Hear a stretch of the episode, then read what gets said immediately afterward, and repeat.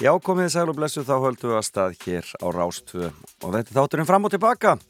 Ég heiti Felix Bergsson og ég ætla að sitja með ykkur allt hér fram til frétta klukkan tíu.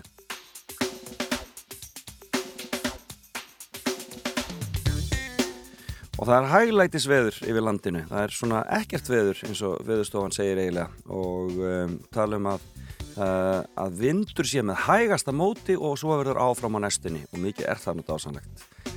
Áttin er breytileg, ímist hægviðri eða hafgóla og þokuloft hefur allir látið á sig kræla í nótt. Og í dag má búast við að rofi til og verði skíjað með köplum á landinu með líkum á skúrum þá engum síðdegi skottur í gróðurinn. Hitti 10-17 stig hlýjast í einsveitum og morgun og hinn daginn, mánudag er útlitt fyrir svipað veður áfram.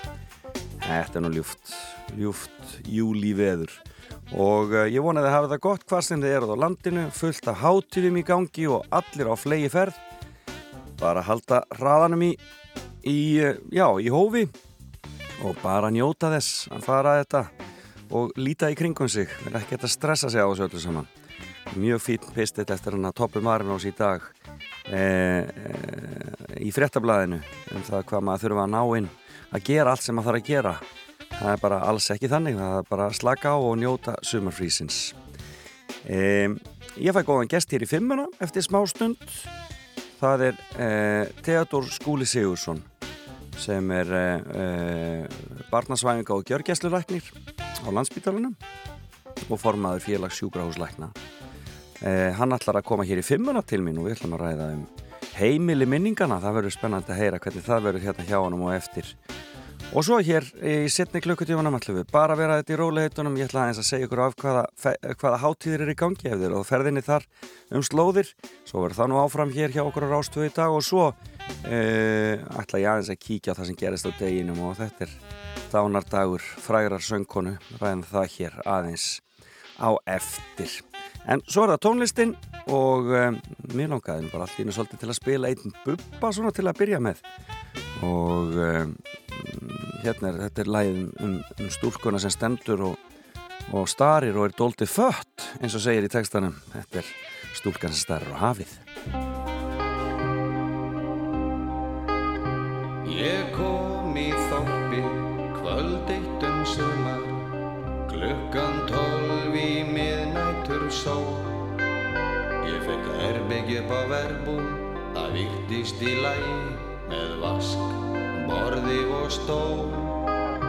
Um morgunin gekk ég út á gotuna skoða Sá gömul vél hræliggjút að ló Ég sá húsum áttu sög og sum voru að deyja það seitlað úr gluggunum bló. Það er stelpa sem starir á hafið stjörf með augun hún stendur öll kvöld og starir á hafið stóreig, doldið fött.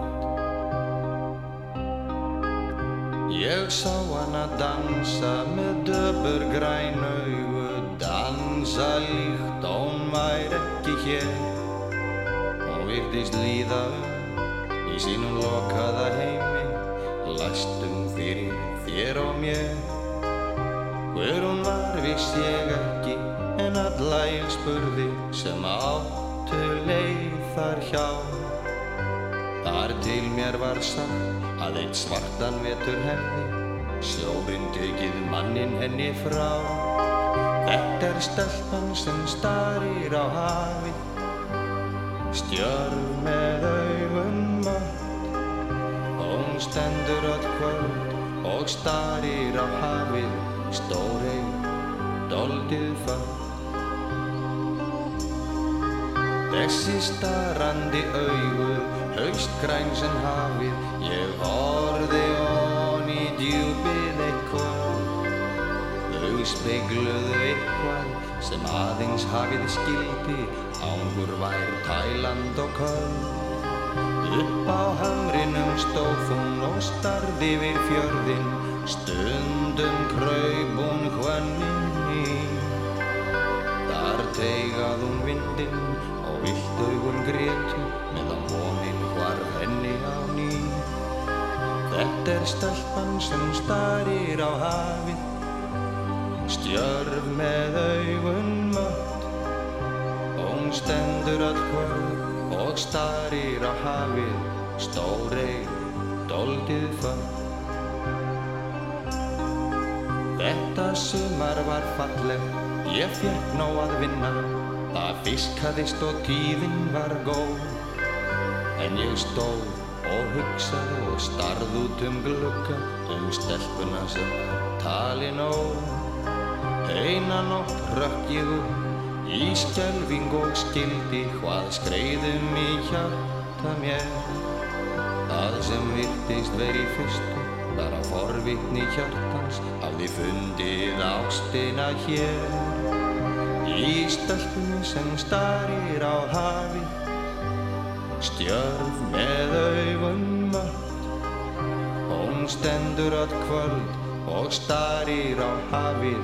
Stórið, doldið fann Dægin eftir fór ég með fyrsta bílnum sem flutti mig söður á leið. Ég leit aldrei tilbaka, ég balvaði hljóði og í brjóstinu var eitthvað sem sveið. Er ég lest það í bladi að bátur hafi farist, þá byrtist mynd í huga mér.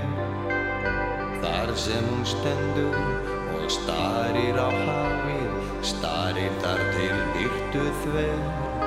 Ég mann stelpuna sem starði á hafið, Stjörf með mött Hún stóð öll kvöld og starði á hafið Stórið, doldið fött Ég mann stelpuna sem starði á hafið Stjörf með augun mött. Hún stóð öll kvöld og starði á hafið Stórið, doldið fött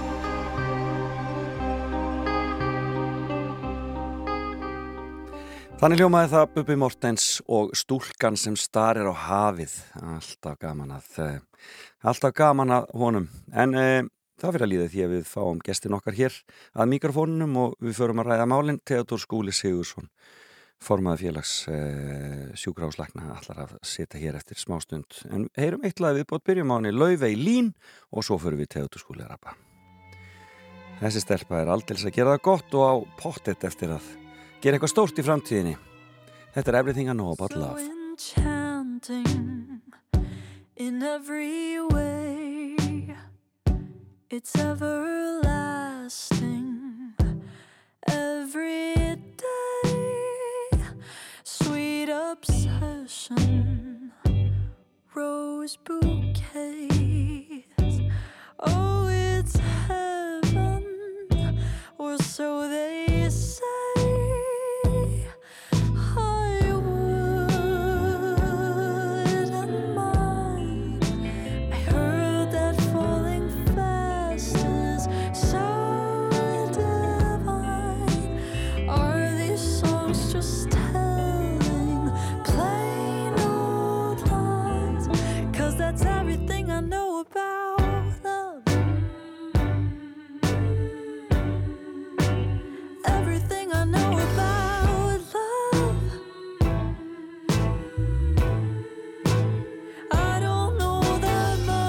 at all.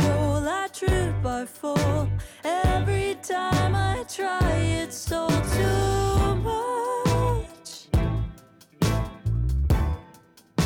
That's everything I know about love.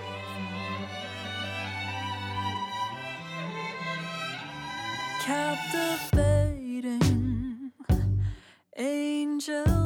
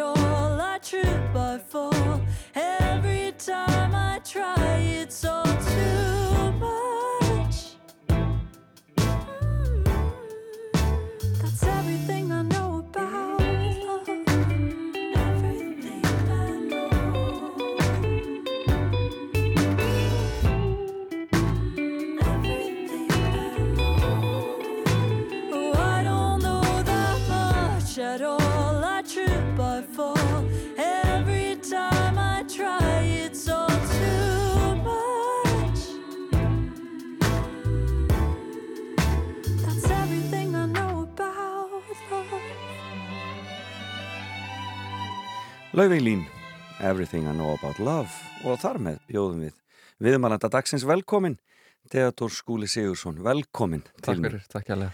um, Ertu músikmaður, hlustar á, svolítið á tónlist? Já, ég er nú tónlistar nörd, sko. Já, já. sko? Hvar, hvar, hvar svona liggur þitt, Þetta þitt áhuga svið þegar kemur á tónlist? út um allt í músík, ég er svona aðleita. Ofta aldrei þessi sérkennulegu lög, uh, svona sem er svona frá hliðakantinum og þarna og það er náttúrulega, eins og segja, með Eurovision og annað, sem er sérstætt áhuga mál sem að pekaði upp ok, í svíþöðahorunum, sko. ok, Og, og þar hefur maður svona daldi dottið inn í músikvílingin og öll fjölskyldan. já, ég skil. Og það var nú einlega Melody Festival og Kristi Björk sem startaði því öllu, sko. Eða, hann, er, hann, hann, hann, hann ber mikla ábyrg blessaður, Já, já, hann já. ber mikla ábyrg, já, það er, þarna, það er svoleiðis. Heyrðu en fimma þín er skemmtileg, þetta eru heimili minningana Já, í rauninni þar sem þú hefur komið við í gegnum tíðina. algjörlega. Eigum við bara byrja á byrjunni, bara renna okkur inn í þetta. Já, af hverju ekki? Og hva, hvað er fyrst? Heru, ég hef aldrei stigalið 63. Stigalið 63. Þetta er það sem mann kalla sko efri stigaliðina. Man skiptið efri og neðri sko hvort það eru fínu húsin eða blokkjarnar. Já, ok. Og ég var sem sagt, mína fyrstu minningar eru úr sem sagt efri stigaliðinni og þetta var sem sagt, þannig að lendi ég í því þegar ég er bara afskaplega lítill Já. að ég á að vera að fara til dagmóður og þarna veikist á rauðum hundum. Já. Og þá eru góður á dýr og ég man nú sjálfur ekki eftir þessum tímapunkti akkurat þarna en Nei. ég fengi að heyra alltaf það sem eftir æfinar. Ok. En stegalið 63 er sagt sýstra hús sýstu samt í fransúksýstra Já. og þar sagt voru þær í fjöldamörg ár og það var þannig að pappi hefur tengslinni í katholkasöfnin og ég er katholiki Ok. og þannig að þegar ég lendi þessum veikindum að þá eru góður á dýr og pappi veit ekkert hvað hann að gera við mig Já. þá er ein nunna sem er, ég kalla alltaf ömmu Karolu. Já. Eh, hún er svona nýkomið til Íslands og er í að hálgerði tilvista kreppu, hafi verið í belgisku Kongo og bjarga mannslífum ána slíkt. Mm og hún fjekk mig bara. Og þetta var sérst í staðin fyrir að vera bara einhverju dagir eða vikur, þetta verðu ár. Ég var þarna í tvö ár. Í alvöru? og svo þarna Bara inn á þessu barnaheimilið? já þetta, ég var bara einn. Inn á ég, ég og allar sex sýsturnar sko En makalust. og þarna, þetta sem svona hefur mótað mér sennilega allar mína æfi sko að vera þarna með sex ömmur í kringum sig Já. og svo var það þannig að alla daga sem voru einhvers konar vinnudagar eða frídagar og annað, bara fram eftir æfinni þá var ég alltaf settur inn í stíðli 63 sko Það var bara svoleiðis. já, já, já, já. En sko, þú ert þarna í tvö ár en ég menna að þú ert svona að hitta náttúrulega fóreldra þína og Já, já, svoleiðis. já, já, þau eru náttúrulega landsbytala fólk eins Já. og vill vera sko, ég, Já. ég er stopnarbarn í húð og hár og ég fór náttúrulega auðvitað frá stígahleginu sem að voru þá mínar í raun uppeldismæður þarna á daginn þegar mamma og pappi voru að vinna Já. beint inn á landsbytala leikskólana sko, Já. þannig að það var eins og það var þannig að, nei, það var svona, það er svona held ég að við, En ég menna svafstu þar á nótt? Þú, þú það kom, kom fyrir sko Já. það kom fyrir, mest var þetta bara þetta gæsla sko en, en ég fekk að vera þar bara eins og þurfti Og einn með þessum sex, já, sex nunnum. Já, og þetta var, minningarnar er alveg ótrúlega mikla frá þessu húsi. Þetta er reysflett einbýlishús á þremur pöllum Já. og í kjallaranum vistavörðunum voru á miðhæðinni, stofan voru á efstuhæðinni, en í kjallaranum var kapillan.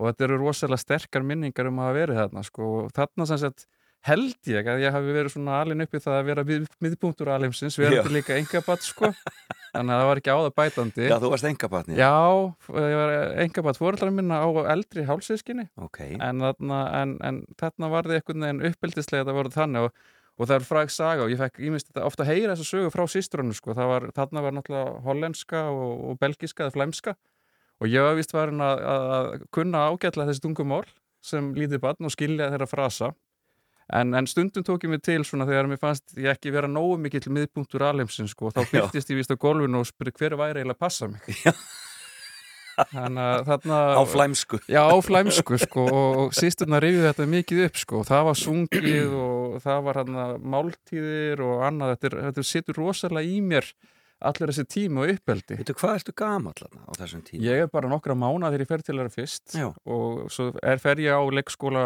landsbytalans tveggja ára að En- þú, en, þú, en þú samt einhvern veginn sem það er einhverja minningar frá þessum Já sko, tíma? minningarnar eru mjög skýrar. Ég til með saltu eftir því þegar Riksvöðan fór í gang og ég, var eina sem ég óttaðist og þá fengu það friða því þá hverf ég baku gertuðunar Já, akkurat. En, en ég mjög, þessi tími er mjög minnistæður og, og pappi held alltaf rosalega tengsl og ég held tengsl við sýsturnar og hef alla leiði gennum lífið og þangað til að það er svo sett yfirká Ísland. Já, en Eh, voru þær alltaf þarna í stegalíð? Þeir voru sko með sýstur á sér stigalíf en þeirra kjarni var í raun klausti í stykkisólmi Já, þetta eru þær, þetta Já. er í rauninni það þarna, Akkurat og þar var ég á og til og ég fór til dæmis í sumardvöl eh, í stykkisólum fjagur ára í mánu þegar fóreldra mínu þurfti að vinna sumari þannig að þarna kom yeah, alveg upp í sjálfstæðið og, og svo síðan meir að þá fór ég alltaf á og til í stykkisólum og svo Já. endaði þetta þannig að á þeim tímapunkti þegar ég var þarna um tvítugt að reyna að koma mér inn í læknisræðina að þá flutti ég mér um set og fór bara í hólminn og var þar bara í tvö sumur. Að lesa bara. Að lesa og vinna á spítalanum sem gangastúlka og Já. þrýfa klósett og bítipústama Já. en alltaf hjá sýstrunum í sýstrahúsinu og þar voru allt í orðina tíu sýsturnar þannig að tíu ömmur sem ég borðaði alltaf kvöldmátt og hátegismátt með. Og, og, og svona, mér fannst ég þá vera dálítið að endurgelda pössunina í gamla daga. Já, þá voru þær orðna gamlar og hrumar og og þá gæti ég fara að hjálpa þeim. Já, þetta er alveg stórmerkilegt. Hverjir eru fóreldraðinir? Eh, Móður mín sagt, er, er sagt, lést í, í vetur uh, en verður með, hefði orðið áttræð, áttræð þessa, þessa helgi. Já, auður Teodors meinatæknir í blóðbankanum. Já, já, hún vann alla sína æfi á landsbyndalanum og, og í blóðbankanum í raun. Einmitt, einmitt. Og fæði minn er Sigurður Há Björnsson og hann var sagt í starfsmannhaldi og er raun starfsmannastjóri Sjúkrás Reykjavíkur á sínum tíma. Já, já, já, áður en hann veikist og, og hætti störfum. En hann var, hann var sagt, á, tí- á tímabili kallað landsbítalamadurinn og var varpað fram á forsíðu DFF sko þegar hann veiktist af Hermannaveiki 2005 Já, já. Og þarna, en eftir það þá var hann sem sagt, uh, hann, hann náði sér í raun aldrei af þeim veikindum og fór svo bara fljótlega í, á allir líferi sko. Já, einmitt Já, þannig að þú ert, þú ert stopnana bat Ég er alveg í húðu hár, ég þekki ekkert annað en landsbítalan Það er ekkert annað. Og, En, en, en það að vera katholskur, var það, það, það hefur náttúrulega, sagðan þessu, haft mikil áhrif á, áhrif á lífið þitt. markaði svona held ég mín lífskildi mjög mikið og svona sín á lífið. Já. Eh, veginn kannski hafandi átt allar þessar ömmur og, og foreldra og engabatt En þá var maður svona einhvern veginn svona imprenta í mann að maður ætti að hafa eitthvað tilgang? En hvernig stendur á því að fóröldarinn taka upp katholsku eða eru sko pappi gerir skadvalki þetta er svona upp á 1970 þegar að pappi hefur svona farið aðra leiðir í lífinu. Um, mikill svona lífskunstner og ferðast um heiminn og áhuga samur um allt og allt í kringu sig og alla og er enn. Já. og það er að, það er ákveðin upplifun að fara með honum bara í göngutúr sko en þarna á þessum árum þegar allir voru blómaböðn og hippar þá gerist hann kaðaliki Já, og, og, og, og tengist rosalega sterkum böndum inn í kaðalíku söfnin sem var þá svona einsleitur Já. það var ekki þessi kaðalíku söfnir sem er í dag Nei. voru Íslendingar sem hefur tekið mest upp kaðalska trú eða hefur svona söguleg tengsl í gegnum tíðina í kaðalsku trúna einmitt. en pappi tengist þessum svona söfniði mjög mikið og ég svona kem svona og hann út, út af hliðarvægnum sko, því að mikið voru þetta svona ákveðna fjölskyldur. Mm en svo pappi svona sem einsta, einstaklingur sem bara áhuga samur um trú og fólk og hann tekur þetta upp og, og þetta sem sagt eh, fer yfir á mig og mamma síðan endar á því að vera kaðolki líka. Já, þannig að hún var ekki katholsk Nei. hún er bara lútist trúar sko en, en, en tekur kaðolska trú síðar á lífsleðinni Já, magnað, en ég meina, hvernig, hve- hvernig líður mann að vera inn í söfnuði sem er síðan búin að ganga gegnum þennan mikla eld sko og, og hérna, í rauninni fáránlega hérna, afturhald samar á margan hátt og Já. annað slíkt. Ég meina, hvernig, Ég- hvernig, hvernig rýmar þetta við að vera nútíma maður? það gerir það eiginlega ekki þú eru alltaf að segja það en, en, en, en ég skal alveg viðkynna það að ég hef svona með tíð og tíma fjarlæst kannski svona trúna uh, og, og eins og bara þegar maður lendir í aðstæmi vinnunni sko, Já. það er einhver að degja á skurðaborðinu þá fer ég ekki á nýjan og horfið til himins. Nei, ég brettu bermar og fer bara að vinna mína vinnu. en, en, en svona mín tryggð hefur verið þannig að sko, ég, ég hata allt ofstæki uh, og trúar ofstæki eða bara pólitíst ofstæki þannig að, en, en, en gildin hvað var að trúabröðin annað, þau gild enn, Já. það er þessi góðmennska og Já. láta sér gott leiða. Akkurat. En svo er eins og því miður bara aðilar sem að hafa nýtt sér þetta í svona annarlegum tilgangi eða einhverjum öðrum tilgangi en það ætti að vera uppalega að hugsa. Já. En þetta tengist náttúrulega í rauninni svolítið við læknaeiðin og, og í rauninni það, það, þann, þann, þann hluta á, lífsins. að ákveðnu leiti sko. Að ég, en í, í dag og með tíð og tíma sko, ég, börnin mín að dætu mín að skýrast kaðholst. Já, uh, ég er giftur kaðholst um, og þarna það svona, ég get sagt á sögu síðar já þegar ok, minni ok minningarnar. að þau sást brosi sem kom þegar Já. fórum að ræða það en, en, en í dag er það samt þannig að, að ég er ekki virkur í trúnni og, en þú veist, ég var í riftunni til dæmis og landakotskóla með annar Já, fótinn sko, ok. og öll umræða sem fór í gang og kjölfara af því Já. og það var svona margt sem svona maður maður kannski kannast aðeins við sko.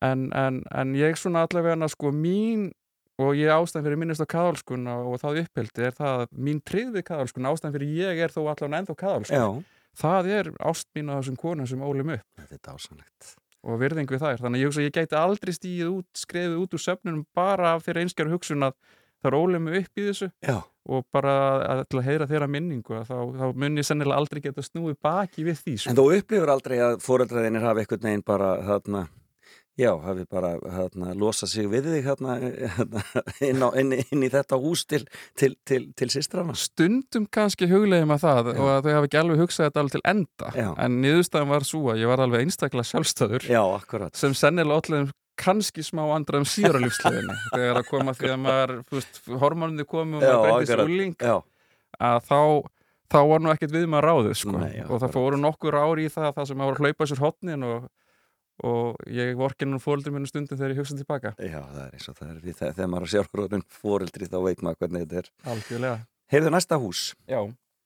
næsta heimili. næsta heimil, það er sem sagt uh, Vestuvallagata 6 Já, af hverju? og þetta er sem sagt uh, Vestuvallagata 6 heitir að Lindabrekka þetta er Já. gamalt uh, hús Bárjápshús, raukt í Vesturbænum reysilegt hús sem sker sér aldrei úr öðrum húsum á Vestuvallagötunni Já, En þetta er hús sem, sem að næstu minningarna koma úr sko. en þetta er heimili sagt, ömmu minnar, uh, Guðlína Jónsdóttur. Uh, Fæðar hennar Jón Magnússon reisti þetta hús 1905. Hann var fiskmatsmaður í Reykjavík og svona kannski stórefnamaður á þeim tíma. Já. En hann reisir þetta hús uh, og þetta er sagt, heimili ömmu minnar og afa. En aðeins mér var Teodor uh, Skúlason, leknir og hjertalæknir sem lærði í, í Kaupmannöfn á strísárunum. þetta er í móðurættina. Þetta er í möðurættina Já, og þarna sem sagt elst sem sagt mamma og, og hennar sískinu og, og, og við sem sagt erum þarna ég er mjög mikið þarna sem bann og öll fjölskyldubóð uh, voru þarna og eins líka og til þeirra þurfti að losna við mann já, að þá var maður bara settu til ömmu línu já, sem var mikill karættur og margir sem voru úr vesturbænum þekktu til hennar og mun eftir henni sko.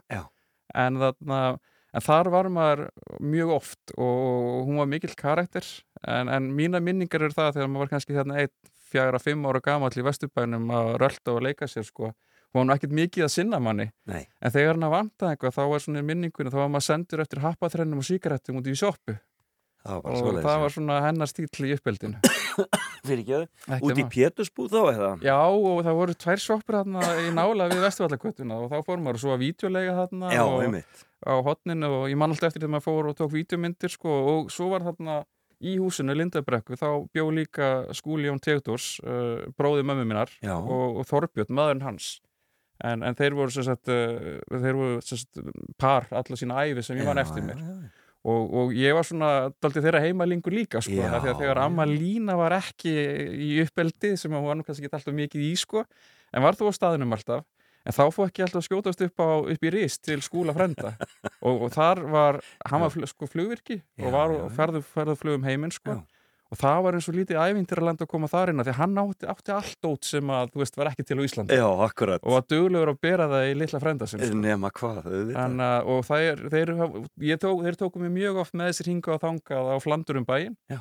og, minningarnar af skúla í uniformin og öllu því að það eru mjög minnistæðar. Og voru þeir alveg opið par þá á þeim tíma? Já, þeir voru það. Maður skinjaði nú svo sem alveg að á þeim tímapunkti sem þeir eru að koma fram, Já, þetta verið afskaplega erfið tímar já, og margir held ég að þessar kynslu hafa verið mjög markarar af því en, en, en, en ég held til þess að það var ákveðin kannski óregla á tímabili en, en þeir voru búin að hrista það allt af sér Já. og, Hva- og hva- hvað- það ferli svona, maður fylgdist með því skúli til dæmis og endanum tekur til dæmis upp kaðarska trú Já. þannig að Þannig að á hvaða tímambil er þetta? Hvenær ertu fættur? Hvað, ég fætti 1976 Já, og þetta er svona þá upp á 1976 til 80 Já. Og hann var náttúrulega mikið á ferðarflugi hann, uh, Toppi eins og kalla hann eða Þorbjörn, Já. Garibaldason hann var þjótt og vann lengi hóttu loftleiðum og var alltaf með annar fótinn þeim bransa og það var nú oft óregla þar líka sko. nákvæmlega en, en, en, en þeir sem sagt uh, tóku sér saman þar og, og, og endanum voru þeir bara giftir Já. og, voru alla tíði þekkti ekkert annað en bara skúla og toppa sko. Já, þetta er skemmtilegt. En þessi nöfn, Skúli og Theodor, þau Já. koma aftur og aftur fyrir í, Já, í þínu, móðurgarði. hugmyndir auðvitað ekki fjölskyldunum þetta nöfn eru ekki, ekki mjög fjölbreytt sko. en, en, Já, en þetta er náttúrulega Teodor og Skúli og Teodor Skúlason sko. það er náttúrulega, það er svona fyrirmyndin ég kynnist aldrei afa mínu sem var hjartalæknir og, Mm. og, og, en hann deyr svona áður en ég kem í heiminn en hann er alltaf svona einhvern veginn svona dýrðarljómin á honum og í lindabrekkunni hann er alltaf til staðar sko og um og sögurnar og svo Já. kem ég kem ég inn í læknisfræðina sko og þá, þá kemur þessi kynslu, eldri kynslu lækna og sem kveiki á nafninu og þá fer maður alltaf að fá svona sögur og fá annan vinkil á hans líf Já, ég skil. Dásamlegt. Þannig að það hefur náttúrulega bara aldrei komin eitt annað til greina en að þú færir í lækni. ég átti engan sjans það var bara að lág alltaf fyrir En mamma henni hefur ekki viljað gera það, fara í, í, í læknisfræðin. Nei, þarna held ég kannski að vera kannski ákveðin tíðrandi Já, uh, hún er þannig að fætt 1942 Já. um, hún fór, hún klárar bara sin skóla eh, fer aldrei í mentaskóla mhm, og hún er raun bara í raun send út í nám já, já. og það er sem sagt uh, afi held ég kostana bara út í nám til Danmerkur og, og Skotlands Í meinafræðin. í meinafræðina Já.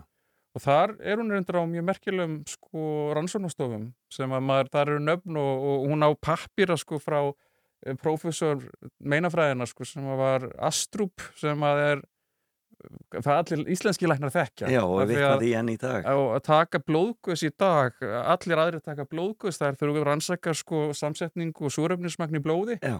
En Íslendingar þekkja ekki sem blóðguðs þeir þekkja það sem Astrup Já, og þarna á ég svo pappir heima það sem Astrup skrifar upp á að mamma sé meinatæknir og, og hæf sem slíkur. Já, þetta var sannlegt. þannig að er, hún rifjaði mjög oft upp þessi ár og Lítill. þetta var henni mjög svona dýrmætt. Lítill heimur þarna líka sjálfsagt. ójá, Þriðja, þriðja heimili, minningana. já.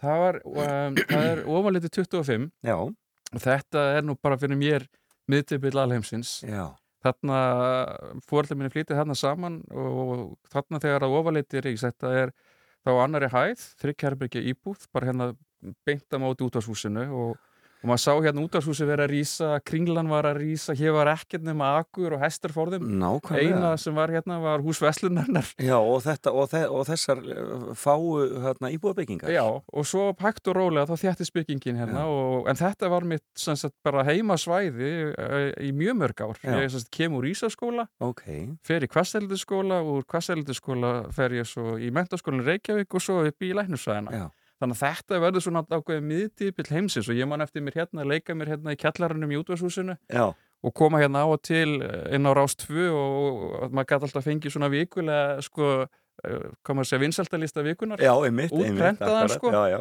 og hérna var maður mikið að leika sér og í húsagrönnum kringlunar og annað slíkt. Já. en fyrir mér svona kannski svona upp á miðdebil alheimsins og, og þegar það skýtur upp kollinum það er svona minnistæð saga þegar að ég er 86 held ég þegar Páin kemur í heimsók og þá var ég náttúrulega rústaður út og sendur út á keflauguflugvöll og mér var raðað þar upp eins og fitness sendinemd og rauðu dreigi til að taka í- hönda á, á, á, páanum sko.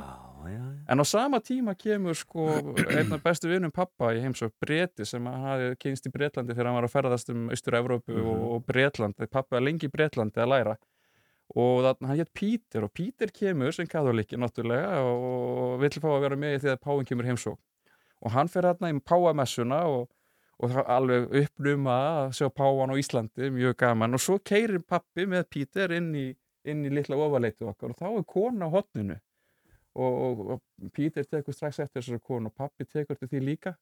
Og þá sko þarna segir hann já, yes Pítur, this is the president of Iceland Vigdís Finnbóðadóttir og hann bara missir alveg andlitið sko.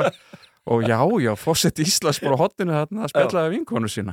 Svo kerum við áfram inn og erum að ganga inn í húsið óvel 25 og þá er ung og falleg kona á svölunum að sinna einhverjum blómum og þá segir pabbi, yes Peter, and this beautiful woman this is Miss World.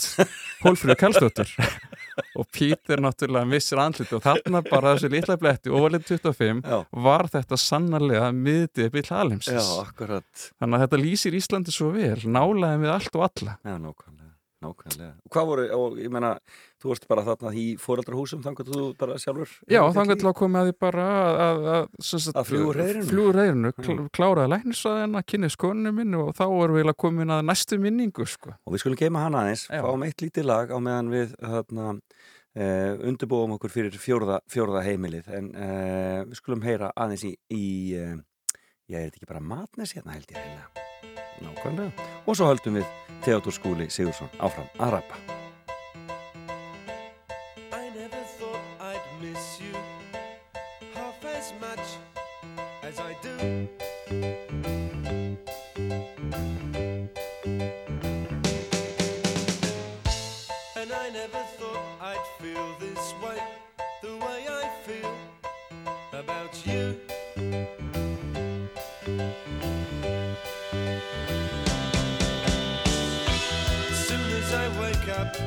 Every night, every day.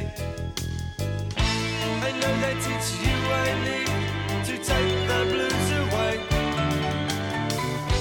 It must be love, love, love. It must be love, love, love. Nothing more, nothing less. Love is the best. How can it be that we can say so much without words?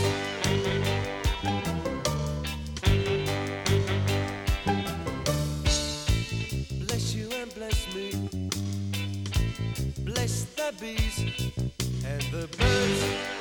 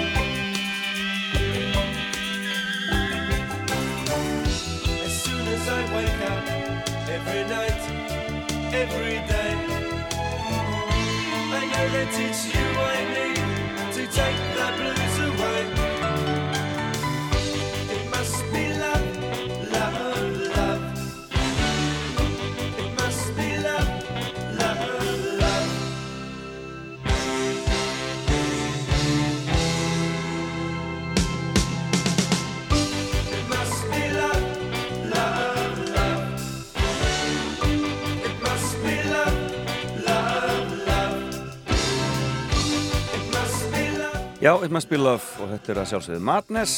Og þetta var kannski mjög vel við þegar við höldum áfram við Theodor Skúli Sigursson því ég mér grunar að við séum að fara að ræða ástina aðeins þegar við komum að fjórða heimili minningana eða hvað? það passar, það Mm. passar. Það er viðlundu tíu.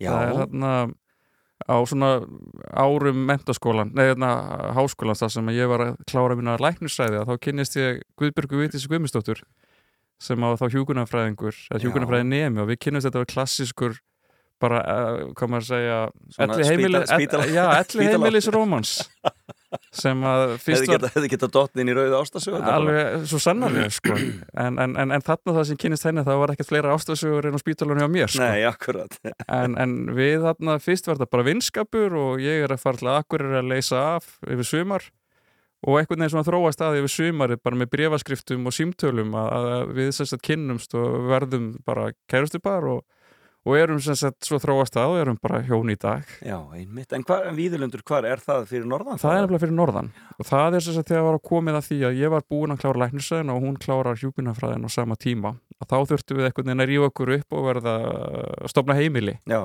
og þá var þetta aldrei góð leiða því ég hafði tengsl fyrir norðan á sjúkrahús Akureyrar að, að fara norður og ég tek kandidatni þar já, og hún fylgir með mér. Og þetta verða þrjú ár og viðilöndu tíur er sem sagt uh, tveggjarabyggi íbúð uh, sem að spítalinn á og leigir út til fátækra námsmanna eða stúdenta, nýstúdenta svona slumlord Já, spítali. algjörlega sko og þangað flytjum við sko tvö en flytjum tilbaka þreim árun síðar þrjú og þá er Já. dóttir minn sko Marja Sara Tegðarsdóttir komin í heiminn Einmitt, þannig að þetta er, það er, þetta er að mikilvægastu atbyrði lífsins að eiga sér stað þarna í Þarna mann ég Víðilentunum. eftir að hafa flutt sko norður og við áttum ekki krónu við, við þurftum að fara á yfirdrátt bara til þess að geta keft ískap og því ískap rýpurnar var ónýtur Já, einmitt. Uh, og, og, og við áttum ekkert. En þarna vinnum við að vinnum í 2-3 ár og, og mikil vinna og ég var mikið í sjúkrafluginu. Já. og fór yfir 100 sjúkraflug og annað slíkt sko og þarna tekið til þá ákvörðun að verða svæfingalæknir Va, va, varstu ekki búin að ákveða sérgrein þarna á þessum Nei, tímapunkti? þarna er ég bara, ég byrja sem kandidat uh, og þá sem sagt er maður bara að kynnast öllum greinum. Svo fer ég yfir í, á líflæknadeildin og er þar aðeins kynnist líflæknisfræðinni var svona að velta fyrir mig hvort maður væri að fara þangað. En einhvern veginn svona í lækna náminu þá hafði ég svona alltaf einhvern veginn hallað mér dálítið að barnalæknisfræðinni. Já.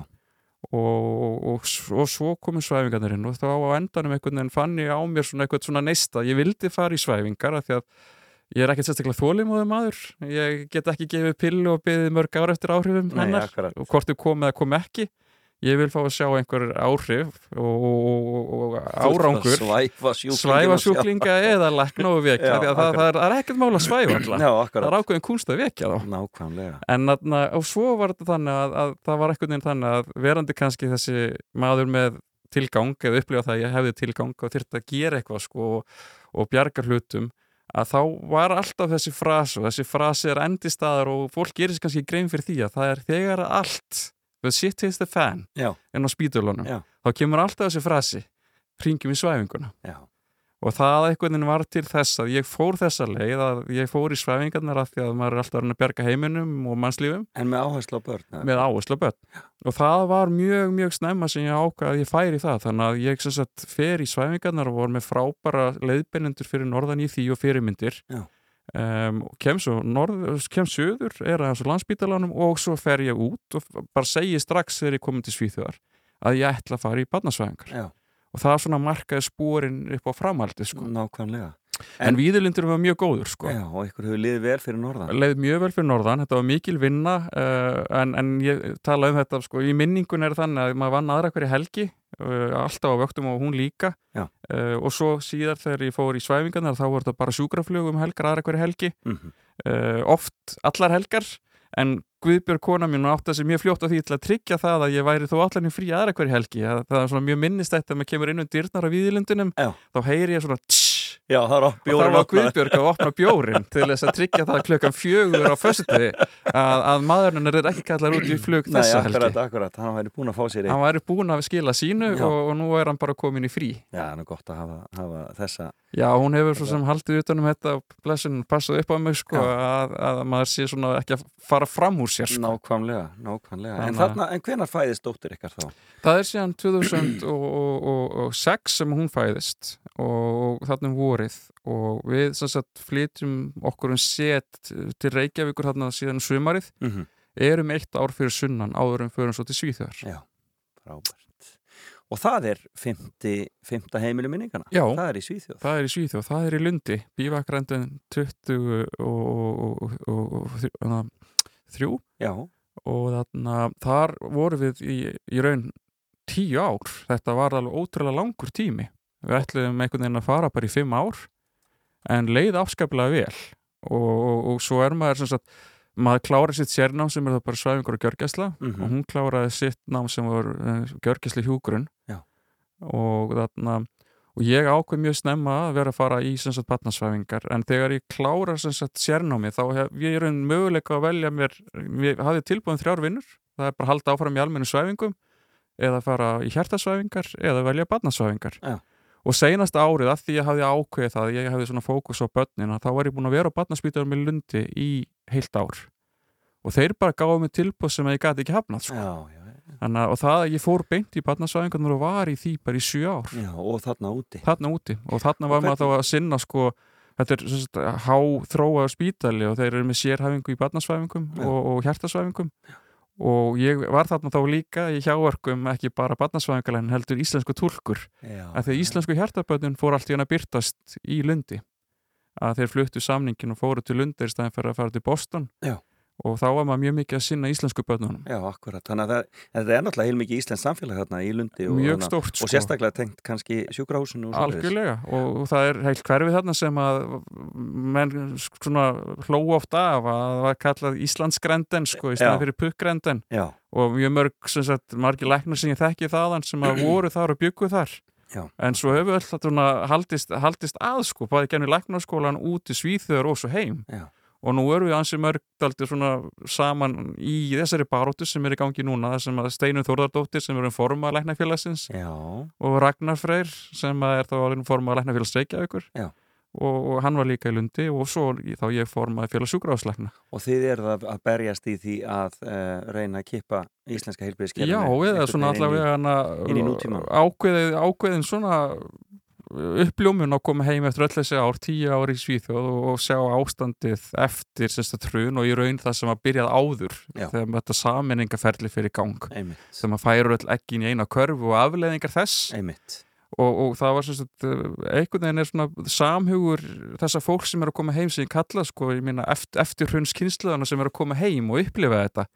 Að við viljum öll brettu bermar saman og reyna einhvern veginn að, að taka til hendin og gera eitthvað í þessum málum En haldið það að sé hægt að snúa þessari þróun ég væri ekki í því að ég heldi það ekki. Já, þannig að ég, sko, ég elska að vera læknir og helbriðstarfsmaður þetta er það sem að brennu fyrir, þetta er ákveðum köllun. Og ég, og ég þá sérstaklega verandi stofnanlega pall landsbítalans já, akkurat. sé ekki fyrir minn eitt annað en landsbítalan og, og ég vil einhvern veginn að við vinnum saman í því að búa þarna til góða vinnustað. Já. af því að þetta er frábær staður með opuslega mikið hæfi fólki sem við finnst aldrei gleymast stundum í umræðinni Einmitt. við erum oft aldrei svona, við förum aldrei í neikvæða fasan, við förum að tala um byðlistana, við förum að tala um launin og annað slíkt sko en, en, en fyrst og fremst eru að hugsa huga því að þetta er mannuður sem skiptir máli og Mhm. stundum þegar menn fara að ræða það að nú búið að fresta svo og svo mörgu hjertaðgerðum jú, það er sagt eins og kannski ættu að spyrja okkur af hverju Já. og mér minnist allum þessi vor að það var við fórum aftur í hennan fasa búið að fresta hjertaðgerðum en á sama tíma var enginn sem fór að í af hverju erum við búin að, að fresta aðgerðunum? Og á þeim tímapunkt til dæmis inn á gjörgæsluðin á Ringbraut vorum við þá með þrjá sjúklinga í ECMO-vél. ECMO-vélar eru svona mín í hjart- og lúnavélar og ég á mínu ferli hef aldrei upplifað það nokkuð tíman á 20 ára læknisferli gjör, og sem gjörgæslu læknir að vera á gjörgæslu sem eru með þrjár vélar í gangi fyrir þrjá sjúklinga á sama tíma. Já. og það er ákveð afrek. Já. Og þá má kannski lifta því upp að á Íslandi í fyrsta skipti vorum við með þrjá ekmasjúklinga sem eru mjög alvarlega veiki sjúklingar það sem er lungu eða hjarta eru ekki fungerandi Já. en er að keira allan sólaringin allan sólaringin í þessum hjarta lúnavélum já. og við erum að með sérfræðingi við hliðin á sér og hjúkunarfræðinga Já.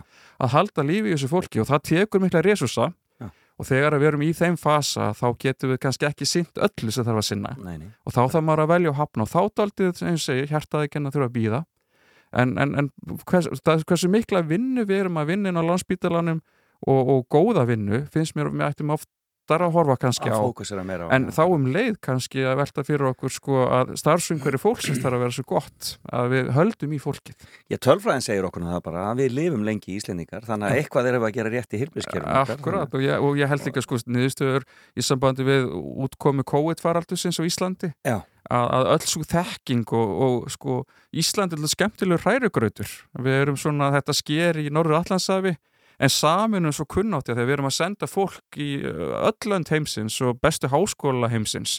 Og svo komum við öll heim, rætunar eru sterkar. Nákvæmlega, og, hér verður alltaf skemmtilegur hrærigrautur á þekkingu og kunnáttu sem er mjög gaman að vinna í og ótrúlustu hlutir sem við getum gert með þá þekkingu og, og af og til með góðan tækjabúna sem við fáum, stundum gefin, stundum við gegnum íslenskan, íslensk ríkiskaup. Já, en, en, en erum, hvers, hversu vel við náum þó að nýta þá reysa sem við þó höfum til þess að gera góða hluti. Eru dætunar á leiðin inn í sama bransa? Nei, ekki að ég get eitthvað haft um það að segja Ég held að það sé engin hægt Þú hefur ekkert um það að segja sko. Nei, það er, það er velja sína leiðir bara Já. og það verður bara tíman að leiði ljós. Í dag hef ég ekki hugmynd um hvert að stefna En þeir eiga eftir að skila eitthvað góð af sér. En eru það gladar að vera komin heim til Íslands aftur? Þær eru það, þetta voru okkur, okkar mesta áhugjefni var er hvernig þær myndu lendi í íslensku samfélag eftir tíu ár erlendis en á endanum var þannig kannski að fórðar náttu me í meiri vandræð með aðlegast heldur en þau. Já, börnin eru aðleguna hæf og, og en þau, þær náðu góður í lending og voru mjög fljótt sáttir við að vera konar heim.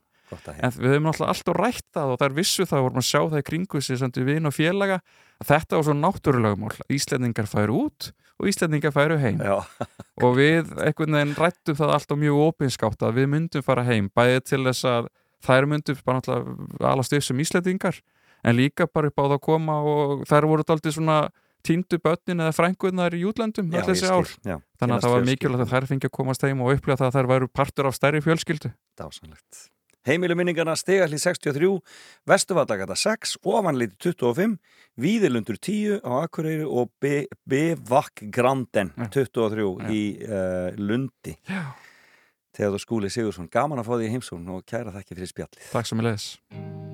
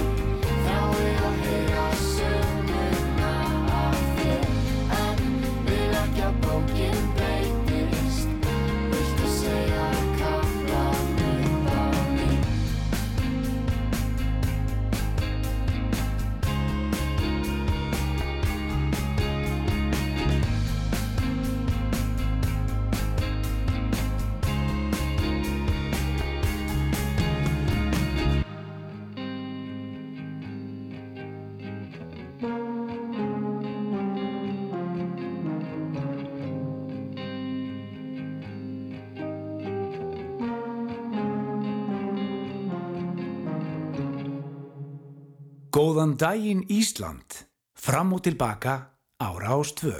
Já, þannig hljómaði það. Þetta var, voru, var duettinn Kusk og Óviti sem að sungu þarna lagið Elsku vinnur og þetta kom í kjölfarið á spjalli mínu við Theodor Skúla Sigursson, eh, formann, eh, formann félags sjúkrahúslækna og, og, uh, og barnasvæfingalækni eh, og það var gaman að heyra söguna hans og fara með honum í gegnum lífið. Eh, heimili minningana kallaði hann þetta. Og það var sannarlega margar minningar sem að e, hægt var að e, draga þarna upp. E, en við höldum áfram hér. Það líður að nýju fréttum hjá okkur á Rás 2 og svo held ég áfram í þættinu fram og tilbaka og ætlum bara að hafa það hugulegt hérna síðar í klukkutíman ég ætla að segja ykkur af þeim hátíðum sem er í gangi víða um land við ætlum að spila skemmtilega tónlist og svo ætla ég aðeins að kíkja á það sem að gerðist að þessum ágæta degi. Það er komið 23. júli og uh, uh, hásumar á Íslandi og það var svo gaman ég uh, hjólaði aðeins í, inn í miðborgina í gær og það er svo leiðist tróðfullur bærin af fólki og svo gaman að upplifa þetta, sjá allt þetta fallega unga fólk sem er að heimsækja okkur hér á Íslandi og svo ímsa aðra. Alla þessa ríku líka. Ég held að ég hafi öll verið í miðborgin í gerð, það var alveg ótrúlega fjölda fólki og gaman að fara að lögu einn gungugötuna fínu okkar í Reykjavík. Mæli með því. En uh, það koma hér tilkynningar og uh, auglýsingar og svo höldum við áfram í fram og tilbaka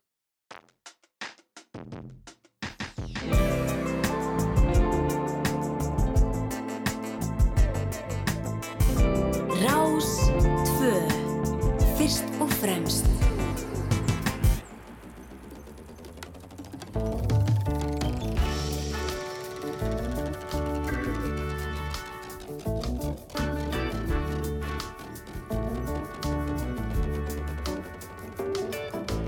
Vakna við brósmilt sólarljós. Þú gefur mér meira en þú heldur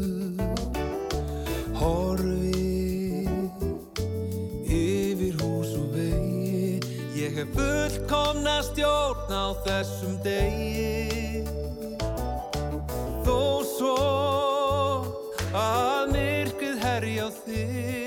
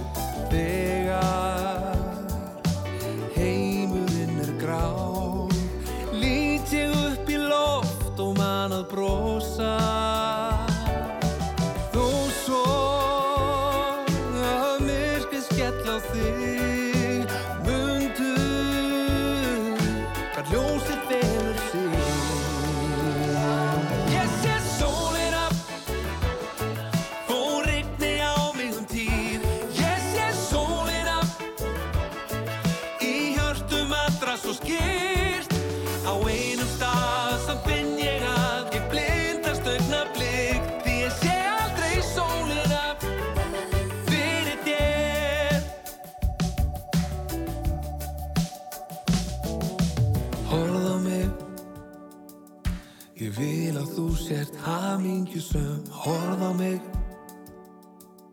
Mér hlínar að innan. Ég horf á þig. Ég vil að þú sért hamingjusum Horð á mig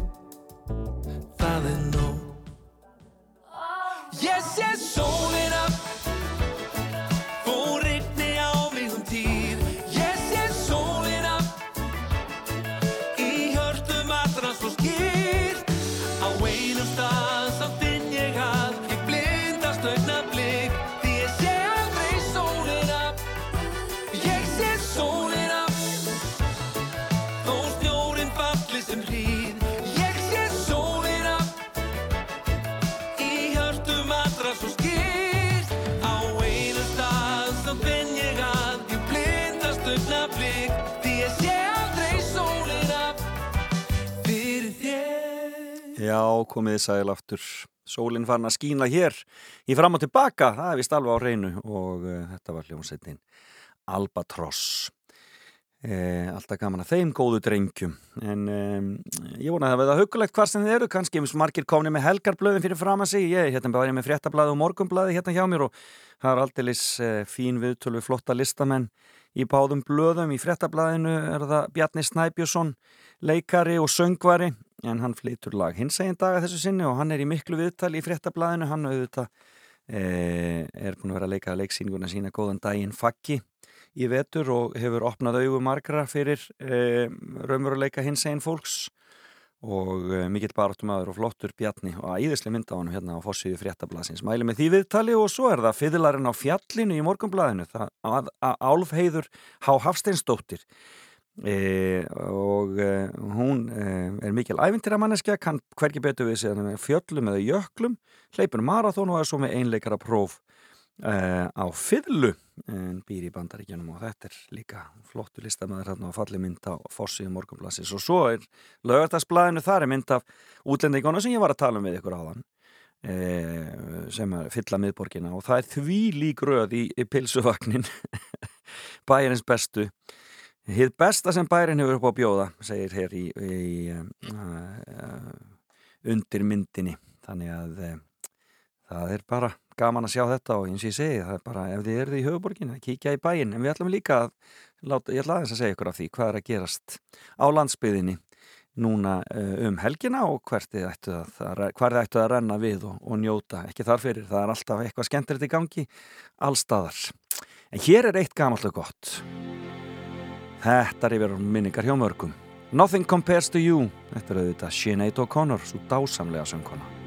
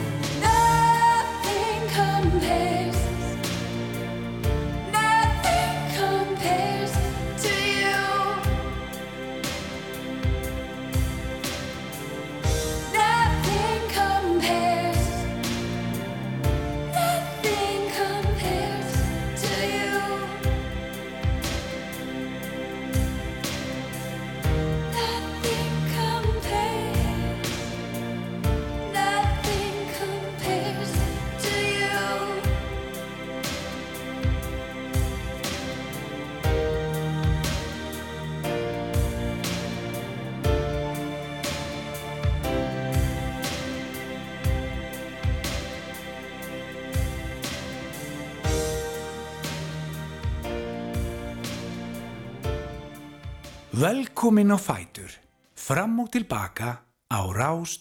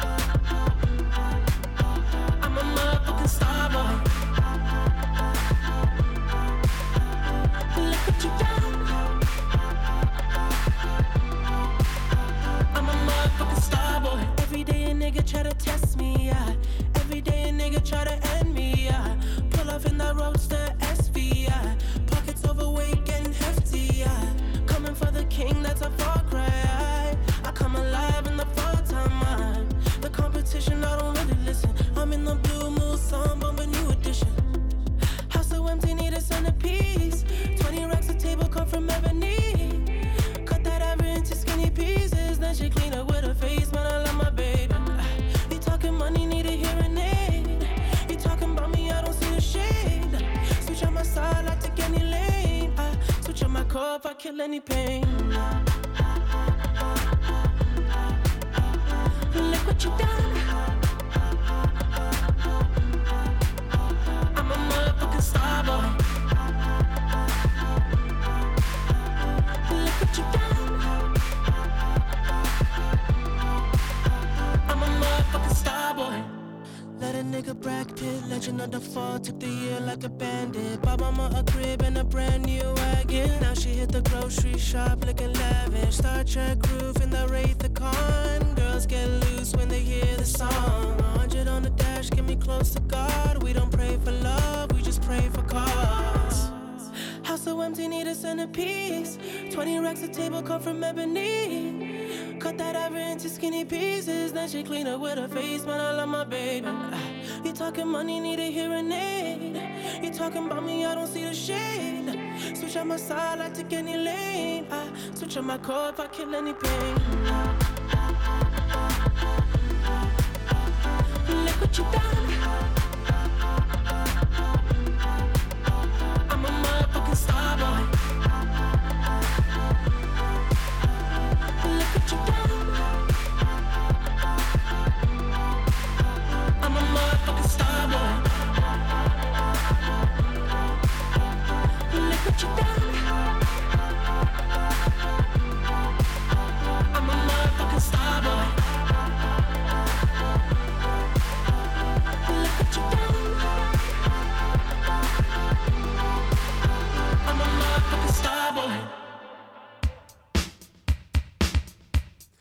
Þannig hljómaði það, Starboy var það og þetta var auðvitað Daft Punk og The Weeknd.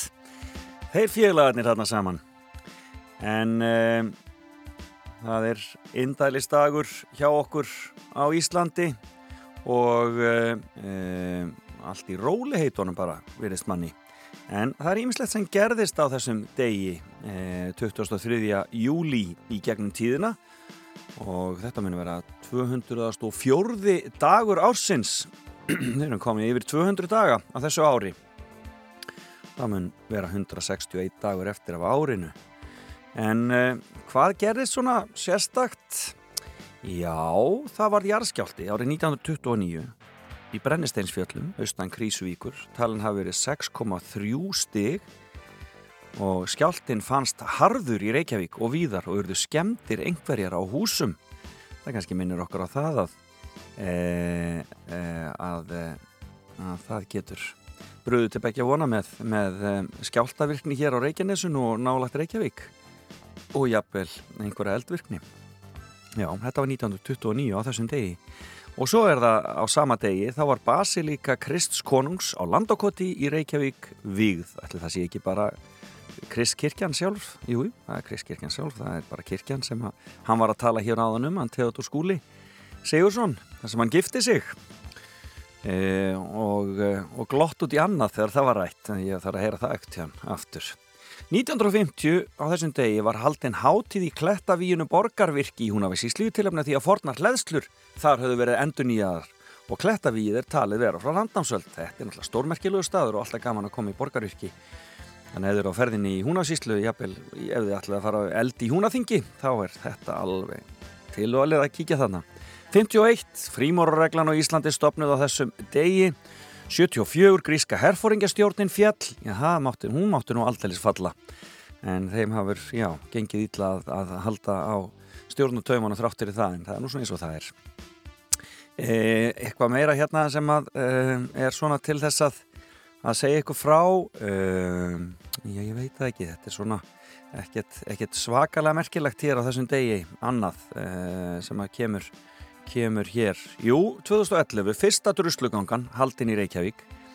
Þannig að nú er bara um að gera að, að fara í druslugangu aftur í dag. Uh, og og steyðja þann góða málstað sem þar er í gangi. Að fólk ráði sér sjálft. Það er nú stóra málið. 2019 Sigrún Þurriður Geirstóttir syndi fyrst hvenna Eyjasund en það er sundið millir vestmanna og Landegasands og mér skilst að það hefur verið sund þar í gerð líka. E, þurfum að skoða það hér og eftir hvernig það gekk e, þarna, e, sundið millir synd frá vestmannum hann, hann, hann syndi í gerð hann, hann fyrir fyrir barnaheill, hann Sigur Geir Svanbergsson. Og maður er bara ekki fengið inn að sögura því hvernig það gekk. Jú, hann náði landi 23.50 í gerðkvöldi það gekk vel hjá honum. En sem sagt þetta var fyrsta sinn fyrir þreymar án síðan sem kona sendi þetta sund og hún heiti Sigrún Þurriður Geirstóttir stórmerkilegt. En svo er það uh, ammælisbörnin og Uh, já, Philip Seymour Hoffman bandarísku leikari, hann fættur þessum degi 1967, gott ár, gott ár. Hann er nú látin blessaður.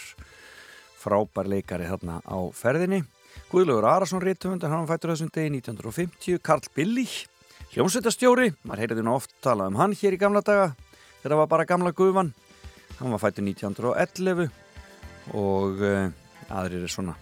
Já já, Hæli Selassi hann var fættur þessum degi 1892 Rækki fólki veit allt um hann. En svo er það sá sem þeir sem létust og þar kannski vil ég aðeins staldra við því að það, það var á þessum degi árið eh, 2011 sem eh, ennsk söngkon og lagahöfundur eh,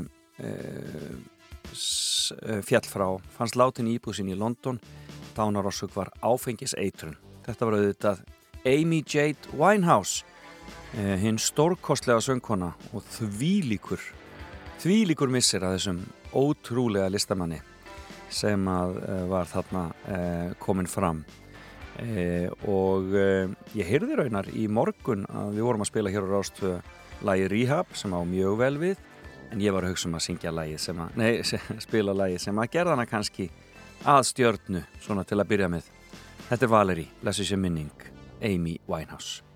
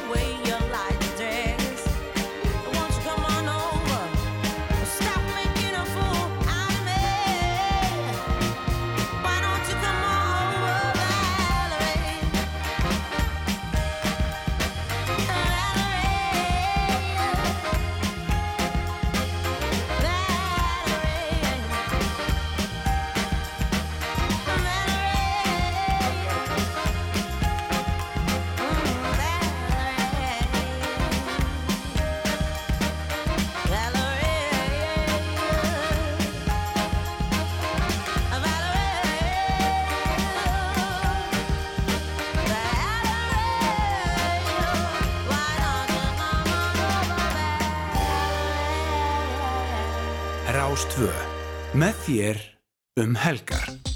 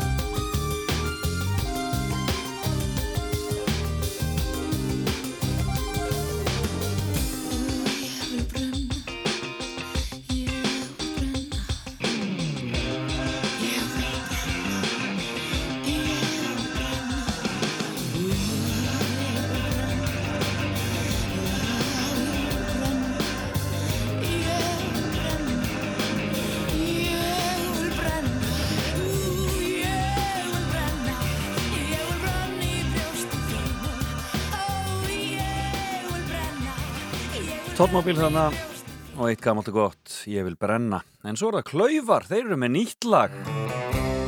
Þetta lag eftir Freysa Sturlu, Freyrik Sturluson. Þessi eina sanna, hér eru Klaufar.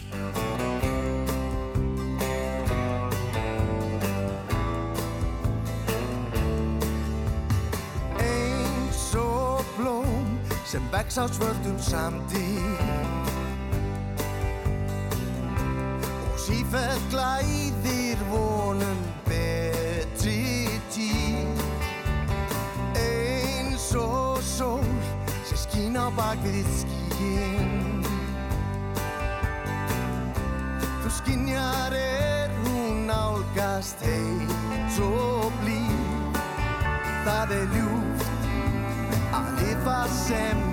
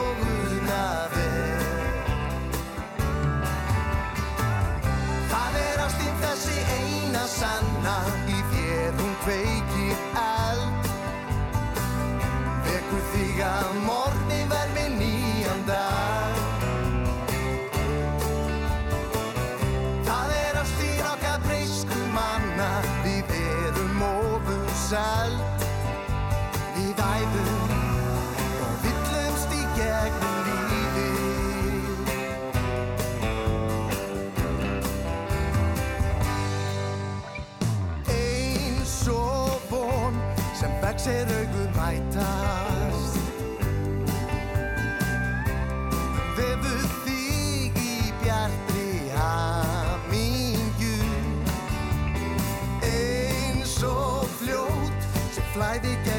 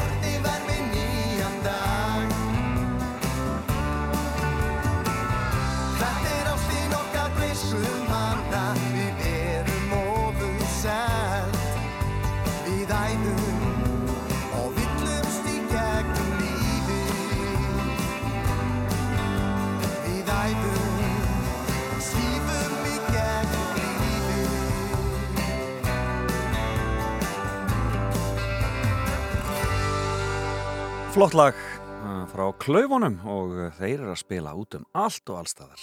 Rás 2. Fyrst og fremst.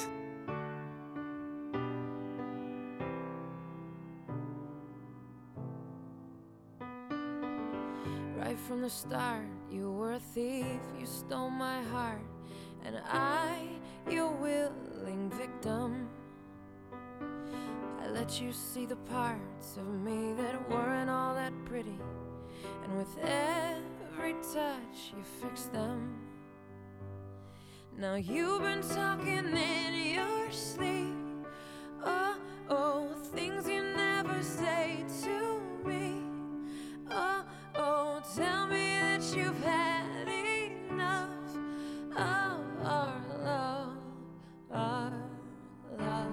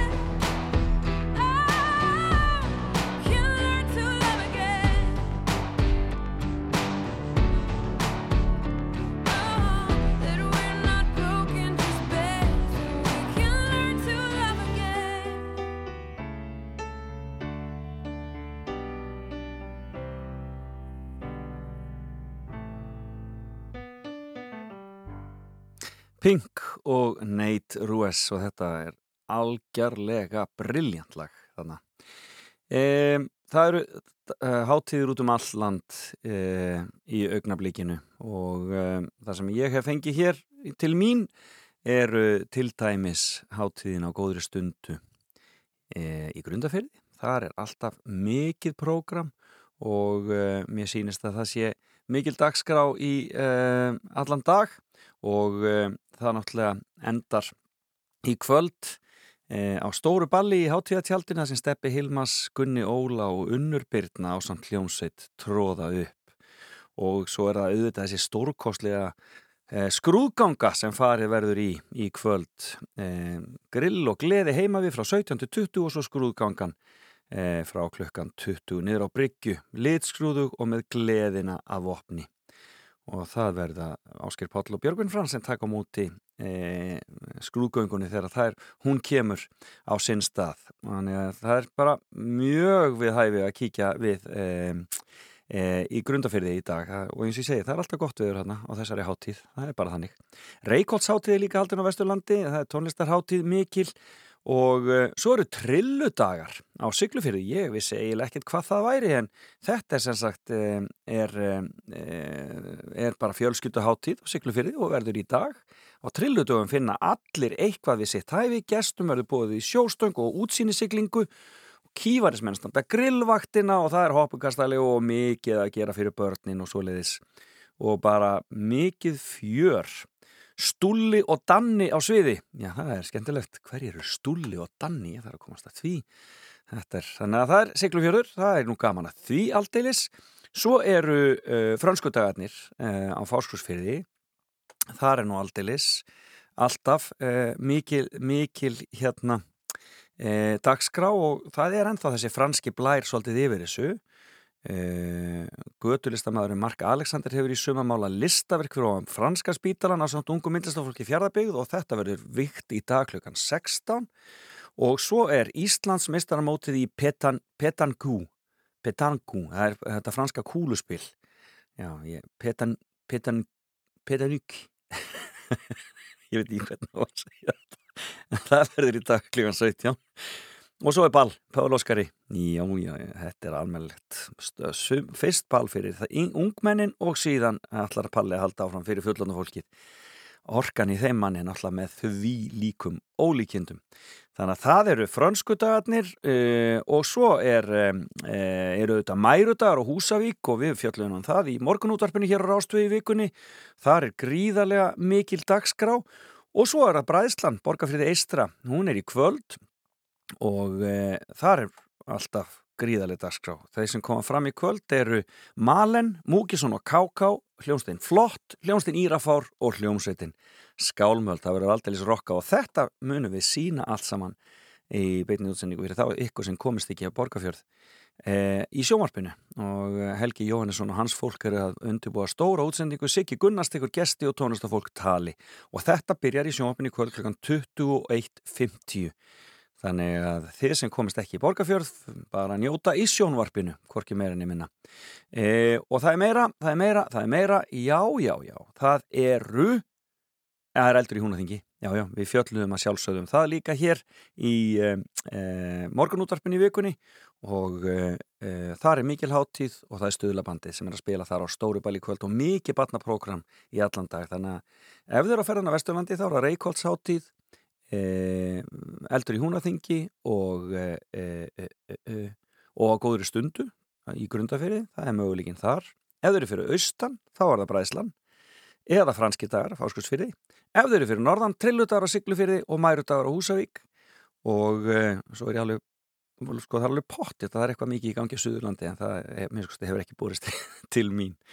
En að því ég var að tala um eld í húnaþingi er það ekki bara lokalmaðurinn, nýja lægið hans Ásker Trösti drengurinn sem að, já, sumir segja hafi hafið ferilinn á eldi í húna þingi hérna nýlaði hans, það heitir Snowblind. Hér er alþjóðlega listamar á ferðinni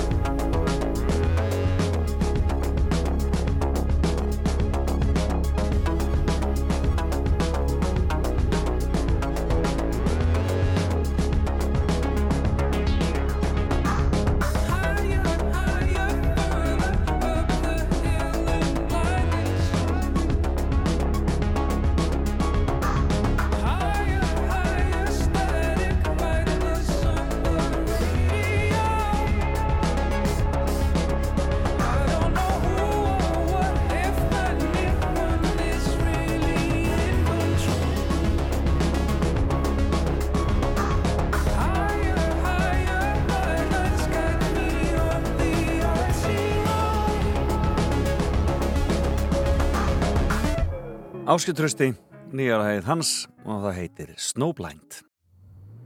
Beint úr efstaleitinu í Reykjavík. Fram og tilbaka á Rástfö. Er einhver þarna úti?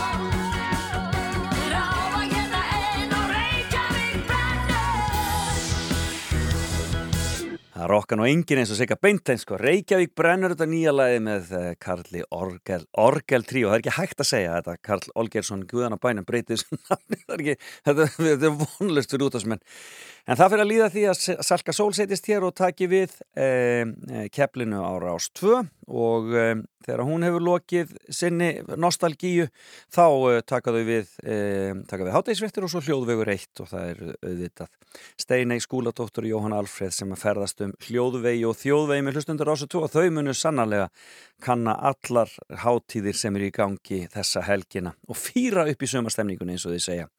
Tónlistin verður á sínu stað klukkan fjögur hjá okkur uh, og það er hún Helga Margrét og þetta er vinsalustu lögin á Íslandi vikuna 16. til 23. júli og svo eftir kvöldréttirnar er það Saga Rapsins uh, aðdragandi þriðju bylgju, þetta er engin smá þættir uh, þessi Saga Rapsins og svo hefst útsendingin hér hjá okkur á Rás 2 frá bræðslunni klukkan 19 e, og e, það verður eitthvað mikið fjör. Siggi Gunnars þar í fararbrotti og þetta verður líka í sjónvarpinu en það verður síðar, síðar í kvöld e, þegar e, klukkan er fann að ganga tíu.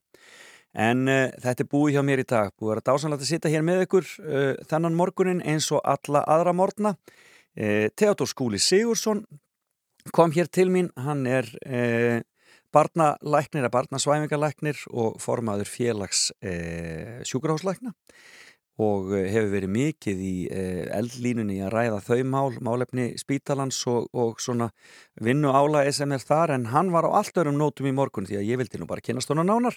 Hann kom í fimmu til mín og talaði um heimili minninganna. Og það voru stegalíð 63 þar sem hann dvaldi hjá katholskum nunnum þegar hann var lítill strákur Vestuvallagata 6 sem var heimili ömmans og þar var mikið, mikið personugalleri og hann leiti 25 sem var heimili foreldrana þar sem hann í rauninni ólst upp svona sín helstu, helstu bads, bad, badsár. Víðalundu 10 akurir þar sem hann og Guðbjörg eiginkonan settu niður heimili fyrst og svíðan var það Bivak Granden í Lundi þar sem hann var í 10 ár í sínu námi og vinnu og svo fjallum við aðeins um það sem gerast á deginum og myndumst Amy Winehouse sem lesta þessum degi árið 2011. En klárum þetta með honum George Ezra. Takk fyrir í dag, heyrumst aftur. Eftir viku, jú, ég var líka eitthvað eins í morgun útvarpinu þannig að þá heyriði ég mig líka hér á Rástvö. Njótum suma sinn saman, kæru vinir.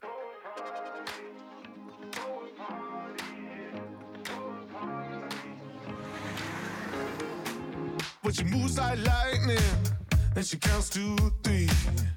And she turns out all the lights and says she's coming for me. Now put your hands up, this is a heist. And there's no one in here living gonna make it out alive.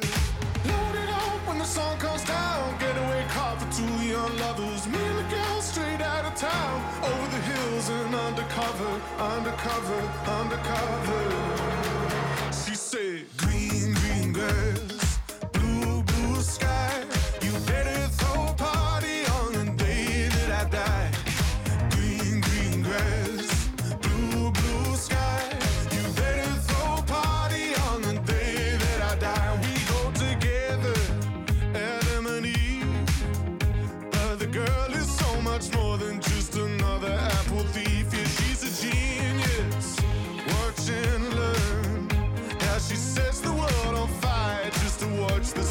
burn.